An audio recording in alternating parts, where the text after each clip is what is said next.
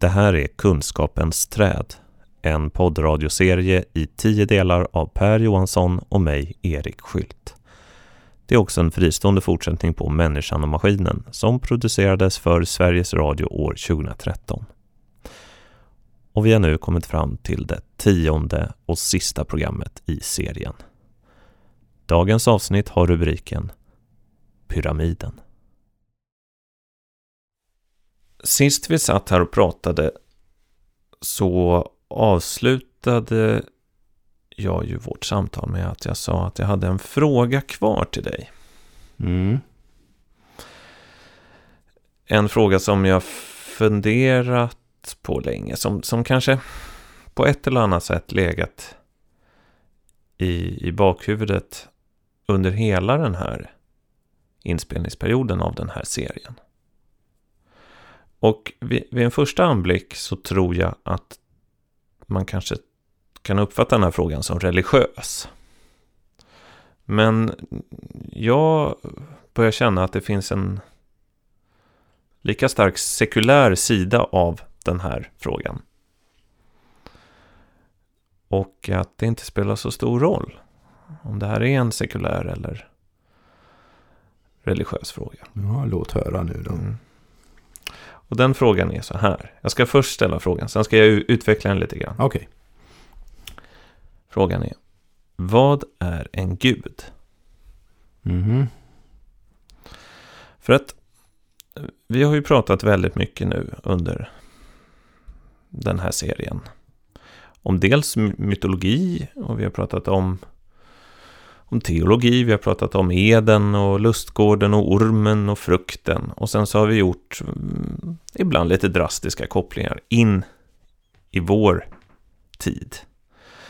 Och i slutet av förra programmet så sa du att du i ditt liv ofta gjort de här liksom, kopplingarna mellan religiös litteratur, religiöst tänkande och modernt, sekulärt, naturvetenskapligt tänkande. Ja, kan man säga. Men i den parallelliteten så tycker jag att frågan om vad är en gud dyker upp. Och som jag tänker och som jag funderar på ett tag, nu får du säga vad du tycker, men om vi låtsas att vi i vår tid faktiskt har en gud, vi kanske har flera gudar, men att vi i det västerländska samhället har en gud som, som har en liten särställning. Och så kallar vi den guden för materians gud, eller den materiella guden.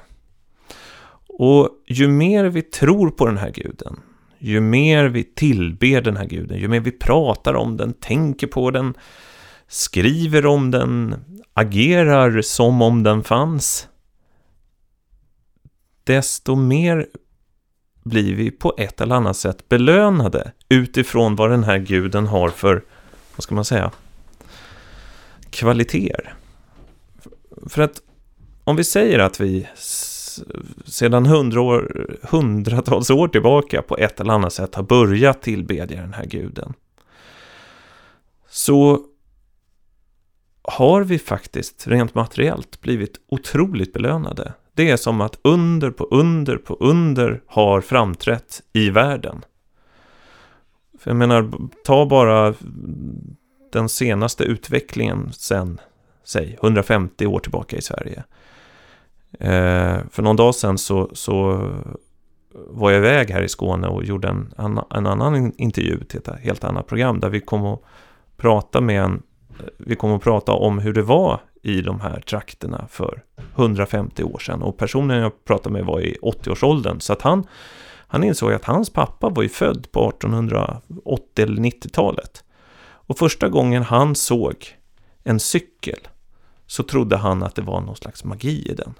Han hade, han hade aldrig kunnat föreställa sig en så märklig tingest. Och framförallt hade han inte kunnat föreställa sig hur en sån, för oss idag, en rätt enkel konstruktion, totalt förändrade hur människor i den här lilla byn levde. För plötsligt kunde man faktiskt på egen hand ta sig till närmsta stad. Man behövde inte liksom spänna för hästen och vagnen, man behövde inte gå, utan man kunde faktiskt ta cykeln. Och en sån ganska enkel uppfinning förändrade ju livet otroligt mycket i den här lilla byn. Och det är då bara några generationer tillbaka. På samma sätt som min farfar som är född 1909, han föddes i en skomakarverkstad. Alltså, hans pappa hade skomakarverkstad skomakarverkstad hemma i Gamla stan i Stockholm, på Österlånggatan. Det är som någon slags Skansen-tillvaro liksom. Min farfar somnade till att hans pappa satt och liksom pluggade, vad, vad man nu säger, spikade skor eller plugg. Ja, en sån där skomakarterm. Det finns någon slags skenande materiell utveckling. Och då är det intressant att tänka att kanske det på något märkligt sätt inte fullt ut, men i alla fall som en ganska stor aspekt av tillvaron, är så att det man som människa, och kanske på kollektiv nivå i ett stort samhälle, riktar sin uppmärksamhet mot, det förändras med en hisklig liksom, kraft. Det är någon slags eh, energi som förlöses där. Det kanske också skulle kunna förklara någon typ av de här konstiga parallell parallelliteterna som, som, som vi har tagit upp med evolutionsteorin på ena sidan och, och, och, kapitalismen på andra sidan. Einstein som satt och både mätte tid på ett patentkontor och gjorde en kosmologi utifrån den, de tankarna. Och Mm, det här kanske resulterar i att den, den gud eller den storhet som han tillber, den, den liksom blir, det blir någonting av det. Vad du beskriver på ett sätt är ju en klassisk magisk operation.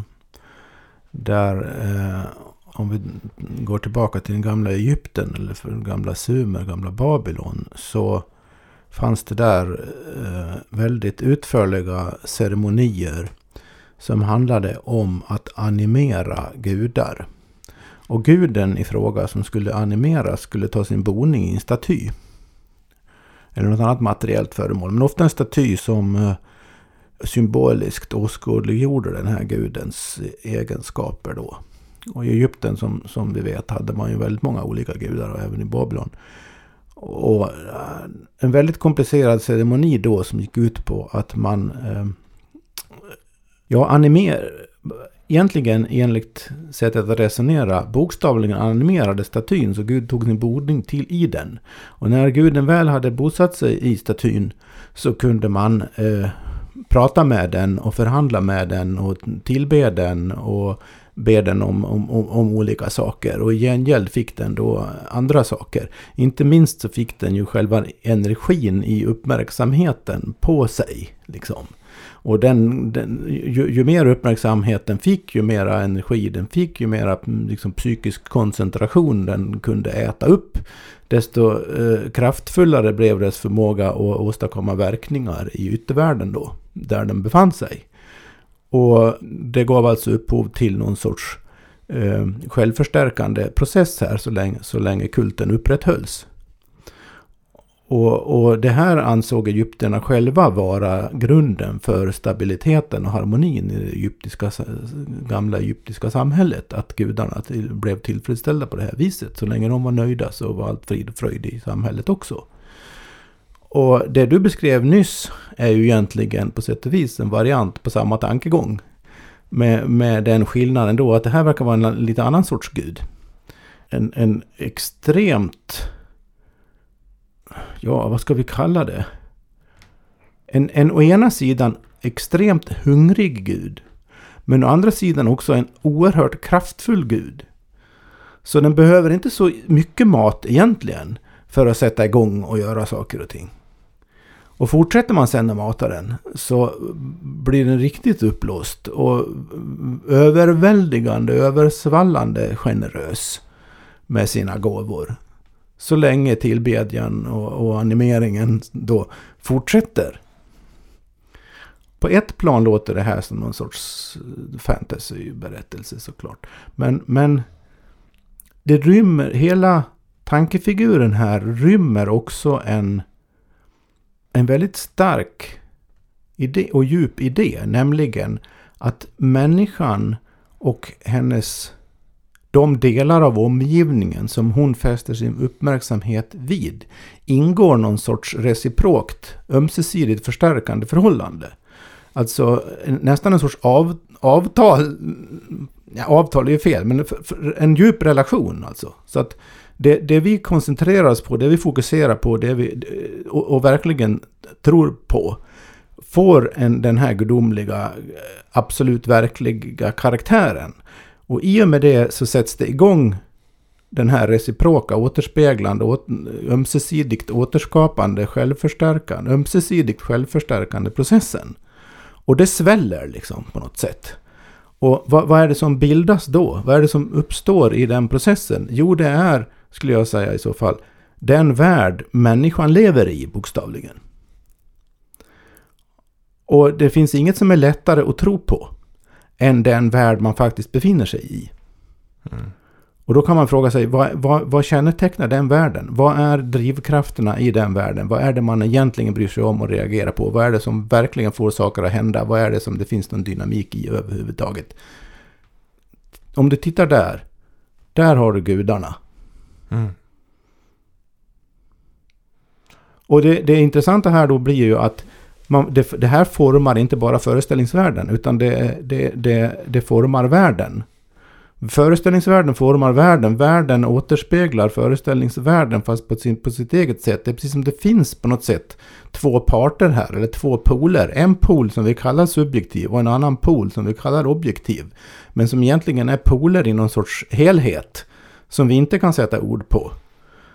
Men, men som upprätthåller den här dynamiken, någon sorts, någon sorts energiutbyte tack vare att du har den här polariteten. Och jag tänker när den kraften utlöses så, så kan saker som nästan ser ut som underverk faktiskt ske. Ja. Men i och med att de sker inom det tankesättet som mytologin eller som gudomen verkar i så, så ser vi inte som något övernaturligt. Nej. Det är därför jag accepterar mm, telefoner eller smartphones. Ja, eller, visst. För det finns en berättelse mm. som förklarar, mm. även om den berättelsen är otroligt avancerad, ja, så hänger den ihop med grundberättelsen. Du nämnde den här killen på 1800-talet som, som första gången fick se en cykel uppfattade den som något obegripligt och magiskt först. Och även i fortsättningen, sen har jag förstått vad det var och kunde cykla själv, så var det fort, bibehöll den här lite mag magiska auran att man kan förflytta sig mm. blixtsnabbt från ett ställe till ett annat jämfört med att gå. Eh, och, och, det var ju långt ifrån alla, alla på den tiden som hade möjlighet att, att åka, åka häst och vagn eller rida för den delen. Nej. De flesta när de skulle någonstans fick ju gå ju. Mm. Om det så var fyra mil så tog det sin tid. Liksom. Mm. Så en cykel var ju en total revolution. Tänkte att den här personen har fått en smartphone i sin hand. ja. Och minst en annan person någon helt annanstans. Ja. Någon släkting i Amerika också hade en smartphone. Att det hade liksom... Det är ett omöjligt tankeex... det, är ett, det är ett möjligt tankeexperiment men det hade varit omöjligt i verkligheten. Eftersom... Det, och det är likadant med cykeln på något sätt. Va? Att, att det finns ju inte bara en, en cykel. Var, varför finns det en cykel om man frågar så? Varför mm. finns det överhuvudtaget en cykel? Varför fanns, fanns det cyklar först på slutet på 1800-talet? Varför fanns det inga cyklar på 1400-talet? Ja, det var väl för att ingen hade... Ja, det är en bra fråga. Det måste...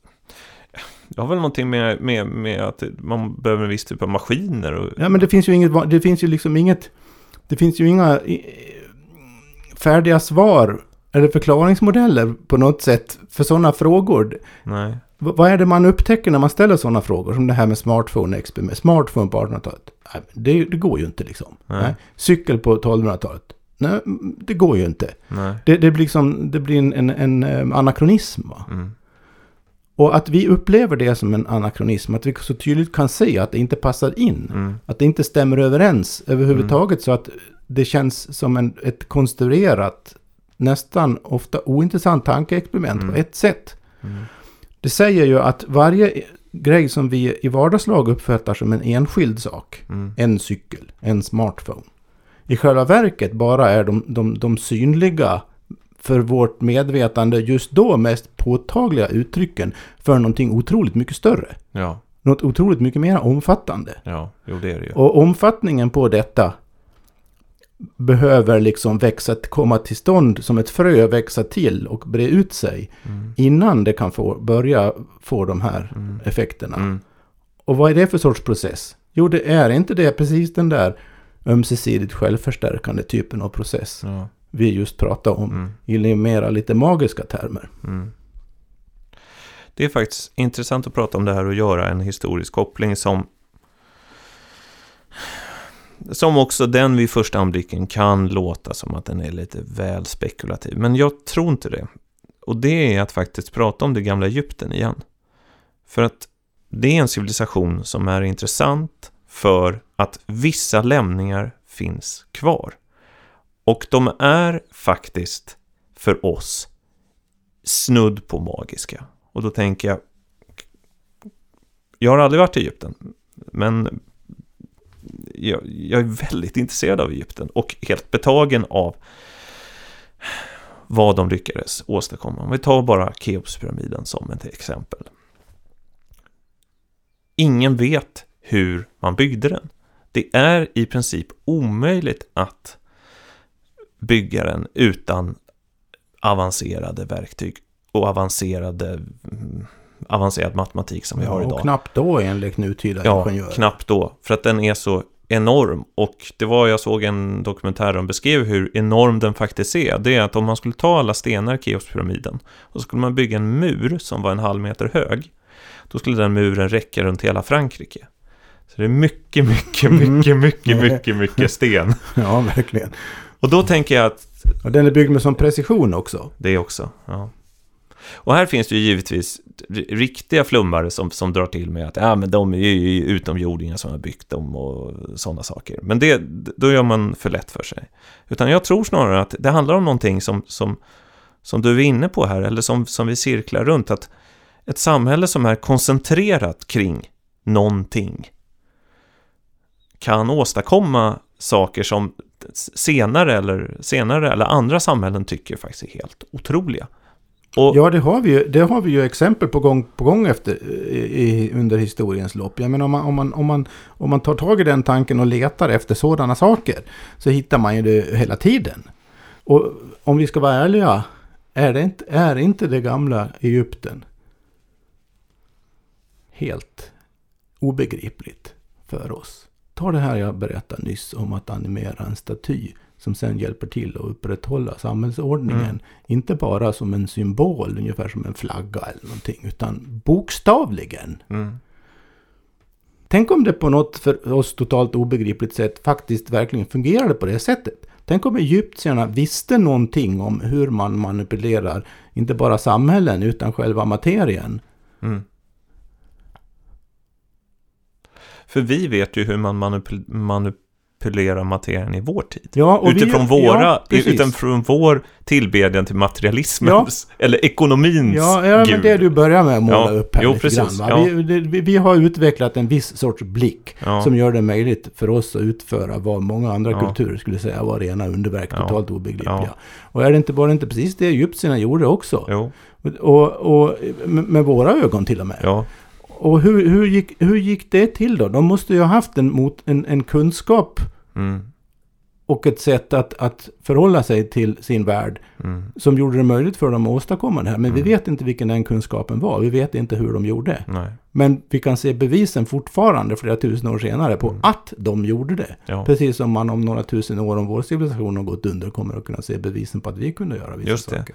Och då kommer ju framtiden... Men ingen då kommer kanske heller, då kanske, vi kanske allt, hela vår lärdom är kanske lika bortglömd då som egyptiernas lärdom är för oss. Mm, De kommer inte heller att kunna förstå hur sjutton kunde de bygga sådana skyskrapor? Hur kunde de ha järn, järnvägar och allt möjligt över hela jordklotet? Vad är det här för konstiga Ehm, glaskablar som ligger överallt? mm, precis. Men det enda de kanske kommer komma fram till, det, det är att vår tids gudom tillbads genom att man rituellt på helgerna begav sig in i det heliga eh, rummet som är shoppinggallerian. Ja, Och där utförde man sin religiösa plikt, det vill säga köpa kläder som man sen hade i några veckor för att sen ja. köpa nya ja, det var och köpte himla massa pilgrimsfärder kors och tvärs. Jo visst, det ja visst. Och man tillber då materialitetens gud genom att hela tiden då konsumera och ta del av dess gåvor som man förbrukar under kort tid. En av de främsta källorna till arkeologisk kunskap om forntiden idag, det är just stenåldersmänniskornas sophögar. Mm. I, I Danmark kallar man det för kökkenmöddingar. Mm. Det kommer ju vara en guldgruva för, gruva för våra, tänk dig våra sophögar. Mm. Vilka, vilka fynd man skulle kunna göra där Mm. om 10 000 år. Mm.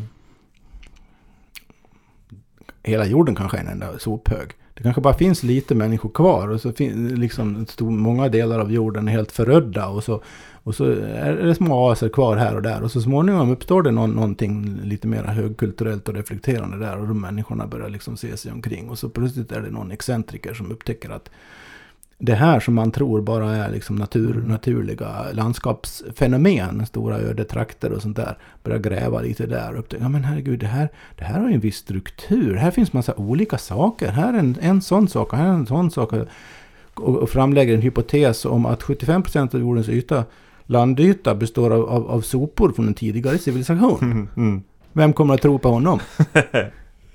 Nej, det är sant. Men jag tänker på en annan sak. I och med att det är vårt sista program nu så ska man försöka knyta ihop en del trådar som varit uppe vid ytan tidigare. Och hur ska man säga det? Men, men vi har ju i, i några av de här programmen som precis har varit har vi pratat om vad ska man säga, den kluvna världen Mm. de två sidorna av människan som vi ser både i mytologin och på ett eller annat sätt kanske i, i vår, i vår skalles två hjärnhalvor som verkar ha lite olika funktioner. Man skulle ju kunna säga att, att när man lyckas som civilisation på något sätt balansera de här två sidorna, Mm. nå någon typ av stabilitet, då kan det hända saker.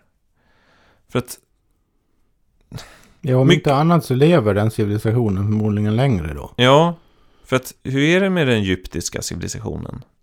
Den gick ju under till slut. Ja, den genomgick ju diverse förvandlingar och förändringar. Men på väl, i ganska stor utsträckning, kanske till och med får man säga i väldigt stor utsträckning med vissa gemensamma nämnare hela tiden. Det, det brukar ju betraktas som den, den längst varande av de kända civilisationerna. Kina är också rätt så långvarig på ett sätt. Men Egypten gör ju ett intryck av att vara ännu ännu stabilare under lång tid. Det kan ju vara många faktorer som inverkar där i och för sig. Men någon, någon sorts balans i den här polariteten kan man ju ha en hypotes om att, Mm. att måste ha haft betydelse. För att det är någonting i den här materialistiska, moderna världen som vi lever i nu, som trots stora katastrofer som 1900-talets världskrig och andra saker, så har ideologin faktiskt inte fallit än. Det är snarare som att den blir starkare och starkare för varje sån, vad ska man säga, mänsklig motgång. Ja, Den verkar på något sätt klara av de här svängningarna. Den, den lyckas på något sätt bibehålla sin kraft trots de här då eh, extrema yttringarna mellan liksom hård rationalitet och vansinne som Mm. andra världskriget var Mm. till exempel. Betyder inte det att det här systemet som vi lever i just nu är faktiskt oerhört stabilt, trots allt? ja, det tycker jag inte man kan säga. För vi har ju inte facit än. Nej. Igen, det är ju... Vad är tidsperspektivet? Om vi, om, om vi för åtminstone för resonemangets skull här nu då, utan att utge oss för att vara några kunniga egyptologer. Eh, säger att i den egyptiska civilisationen bibehöll en hög grad av likartadhet, om man säger så. Och stabilitet under flera tusen år. Så kan man ju, det kan man ju, våran civilisation är ju bara i sin igenkännbara form egentligen.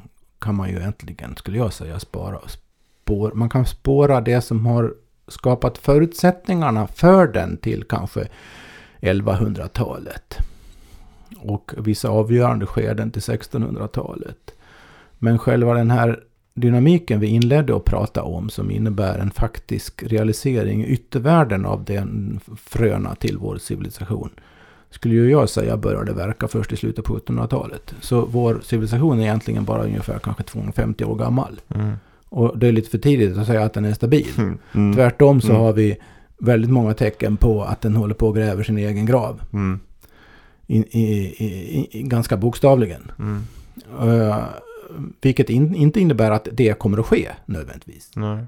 Men den graven måste väl grävas framförallt av att folk slutar tro. Hur då menar du? Ja, men om, om vi vänder på det då. Vad är tro?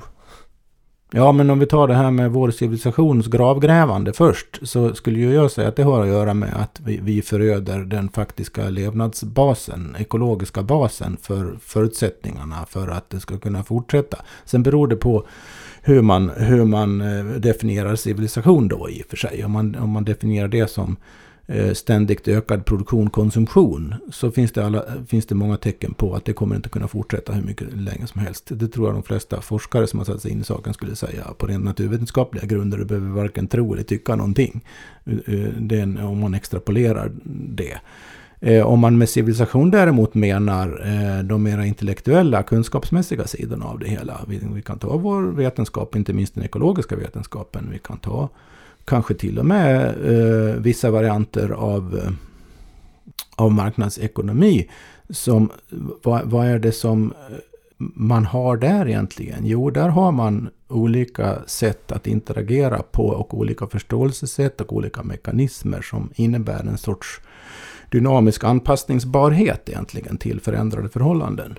Och det, om, man, om man menar det så är det ju inte omöjligt att tänka sig att det skulle kunna fortleva i en eller annan form ganska länge. Även om själva produktionskonsumtionssystemet i, sin nuvarande form bryter ihop. I den här globala accelererande skalan. Så vad, det, det är lite grann som det där när vi pratar om arv och miljö i något program. När jag påpekade hur att man kan inte göra en sån uppdelning. Man måste först och främst definiera vad man menar med miljö.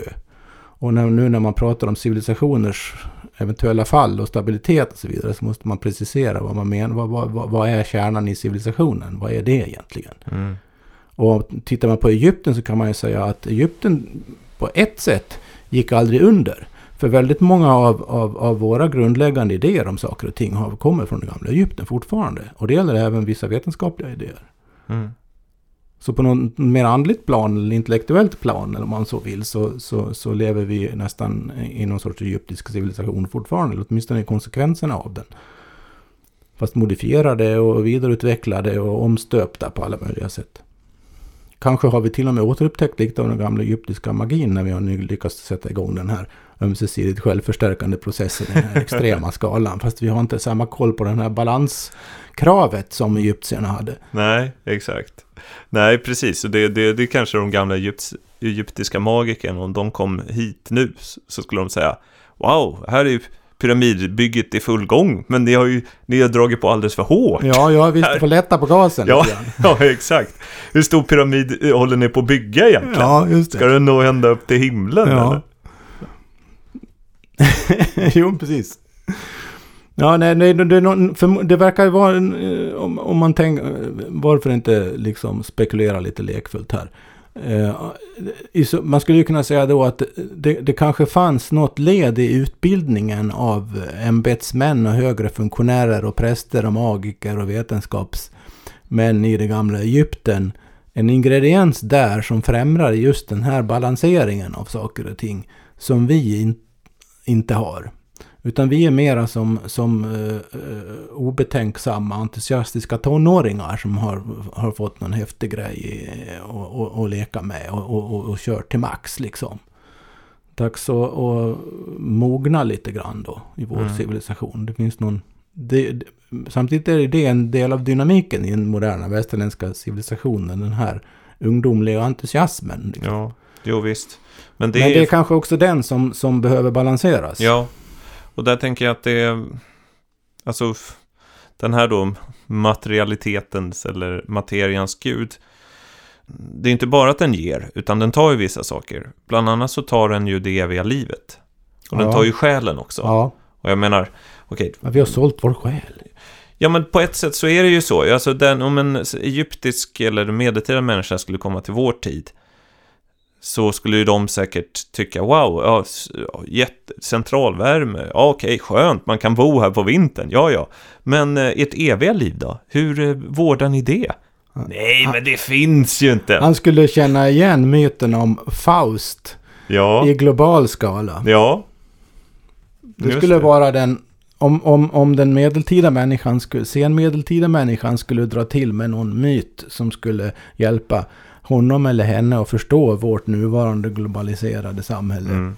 högteknologiska, så skulle han eller hon utan tvivel fastna för Faust-myten Mm. som den mest relevanta. Mm. Och det är ju ingen slump heller att de mera reflekterande medlemmarna i vår civilisation nu har ägnat ganska mycket möda åt att eh, förstå oss i Mm. just faustiska termer. Mm.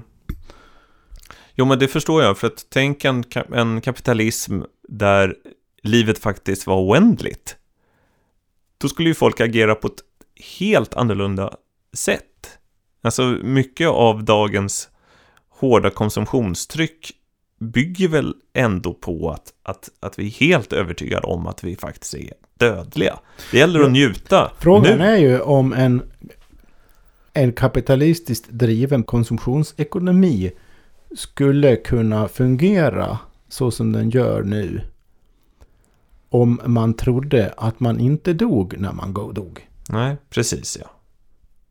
Utan levde vidare på något sätt. Ja, Om, om man verkligen trodde det, var övertygad om att det faktiskt var så. mm, Då skulle man inte vara så stressad och hinna göra allting innan man dog. nej, Uppleva allting, köpa allting, resa överallt. nej. Träffa alla man vill. Nej. Utveckla alla sina talanger. Mm, Och det där, det där kan vi ju se, alltså om man tittar på den retoriska motivationen för väldigt mycket vetenskap så handlar det om att, att förhindra sjukdom, förhindra ö, ö, för så kallat för tidig död, förhindra åldrande, gärna förlänga livet så mycket som möjligt.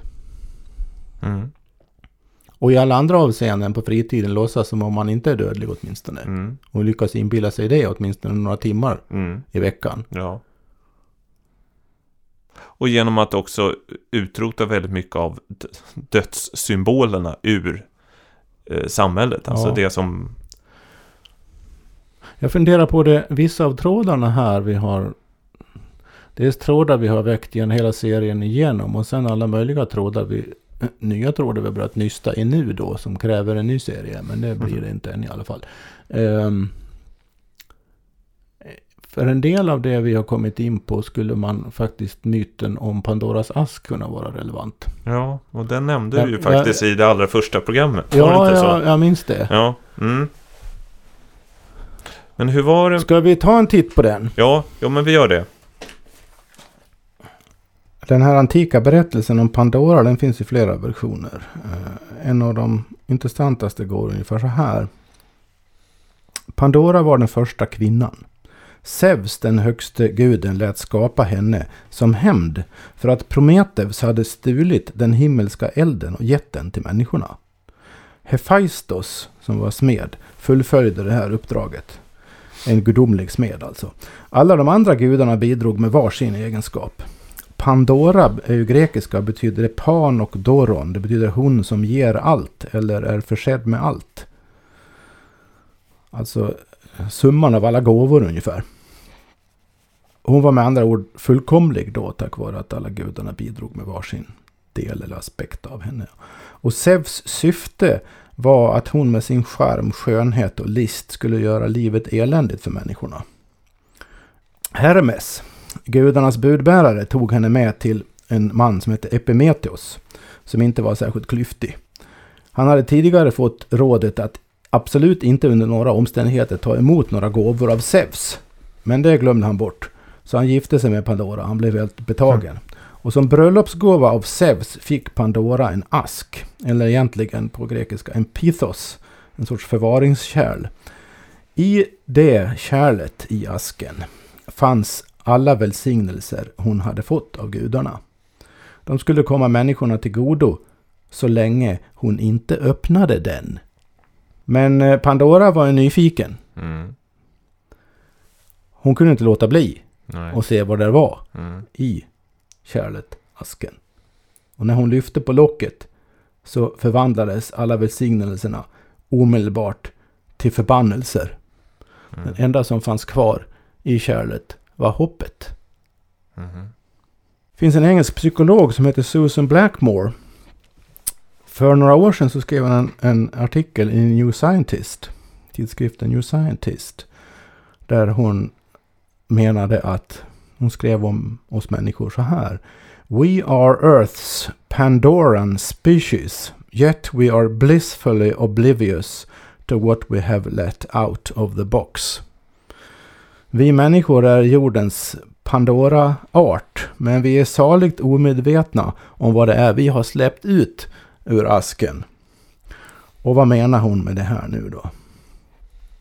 Eh, Blackmore hör till de psykologer som följer Richard Dawkins syn och nydarwinismens syn på hur evolution går till som vi har pratat om tidigare. Och eh, det handlar ju om, om genreplikation då och olika genfrekvensers eh, relativa framgång när det gäller att leva vidare här i världen. Och det är det som är anledningen till att det finns en massa olika arter. Och Dawkins kallar ju då gener för replikatorer, replicators. Och det här som Blackmore menar släpps ut ur Pandoras ask, det är en ny replikator. Det Dawkins kallar memes eller memer. Alltså självreproducerande artificiella produkter. Och hon tar, till, tar som exempel Google. Mhm. Google kopierar information, väljer vad det behöver och sätter ihop de här, det här urvalet, de här selektionerna i nya varianter. Mm. Och det här sker helt automatiskt. Mm. Där vi ingår i, människornas användning av Google ingår i reproduktionsmekanismen. Mm. Men själva repro- informationsreproduktionen sker helt automatiskt. Mm. Och, och det här skulle man kunna ta, se som en sinnebild för Mm. att en sån här tredje artificiell replikator har uppstått då. Mm. Och apropå vad vi pratade om i tidigare program som heter Jobb. Mm. Om hur robotar och Mm. datorprogram tar över alla möjliga mänskliga Mm. arbetsuppgifter. Det är, är ju då ytterligare ett exempel på hur den här tredje artificiella replikatorn ogenet, icke-genetiska, icke-biologiska replikatorn sprider sig. Och eh, därför tycker Susan Blackmore att han, eh, myten om Pandoras ask här är en träffande sinnebild för vad vi har åstadkommit med vår vetenskapliga teknologiska utveckling. Så skulle... Vi har skapat en ny form av liv egentligen. Mm. Och på så sätt skulle Som man... kanske inte är helt människovänlig, som ser till sina egna intressen. Mm. Så att på något sätt har vår omättlighet då, eller vårt bejakande av någon typ av aspekt i tillvaron, gjort att Alltså det går ju att ta sig... Hon liknar, hon liknar vägnät vid, vid eh, blodkärl. Hon liknar... Ja, hela, hela den artificiella världen är, har en sorts nätverksstruktur. Hon pekar till exempel på hur, hur vägnät liknar blodkärlssystemet, kärlsystemet i kroppen. Och datornätverk har ju samma, samma struktur. Och det här med sam, olika sa- sammanbundna nätverkssystem det, det är precis vad man ser i den biologiska världen. Och nu, nu har de artificiella replikatorerna, alltså enligt det här synsättet, börjat anta samma gestalt, fysiska gestalt som de biologiska systemen. Och har Mm. också, blir också i ökande utsträckning självreproducerande. Det här är ju också det Ray Kurzweil menar när han pratar om singulariteten. Att, att när, de, när, de här, när den här artificiella replikationen når en viss nivå så kommer den att bli lika, lika oförståelig för oss så, som den levande biologiska naturen egentligen fortfarande är på många sätt. Mm. Och, och då kommer vi, vi som har satt igång den här processen, eh, människorna, Mm. hela vår roll i, på jorden kommer att förändras. Mm. Inte nödvändigtvis till, till det sämre, men den kommer, kommer ju definitivt att bli väldigt annorlunda i alla fall. Mm. Och frågan är om den inte redan nu har blivit så pass annorlunda så vi, de flesta av oss har inte hunnit förstå hur annorlunda det har blivit än. Mm. Så att det vi bygger, vår jättepyramid, är då någon slags gigantisk... Ja, det här är vår pyramid skulle man kunna säga. Ja. Och det är en gigantisk organism på något sätt. Ja. Och den här artificiella eko, ekosystemet, den här artificiella livet, eh, bokstavligen artificiella livet, äter ju andra saker än vi. Mm.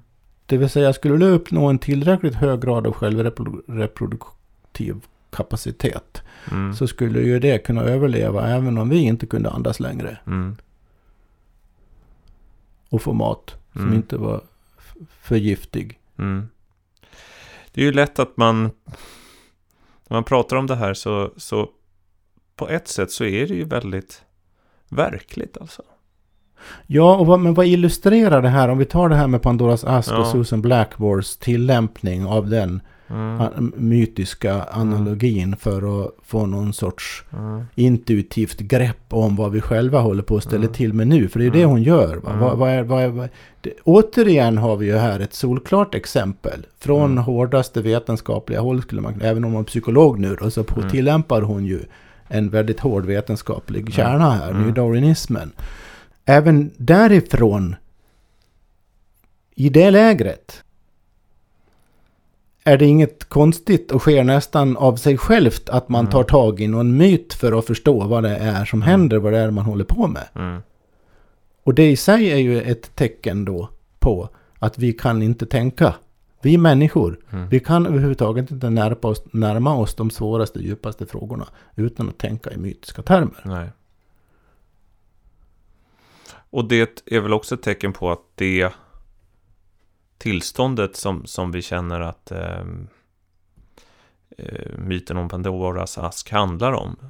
Det, måste, det, det tillståndet måste ha, ha, ha innefunnit sig. Det tillståndet måste ha existerat även förr i tiden. Ja visst, precis. Mm.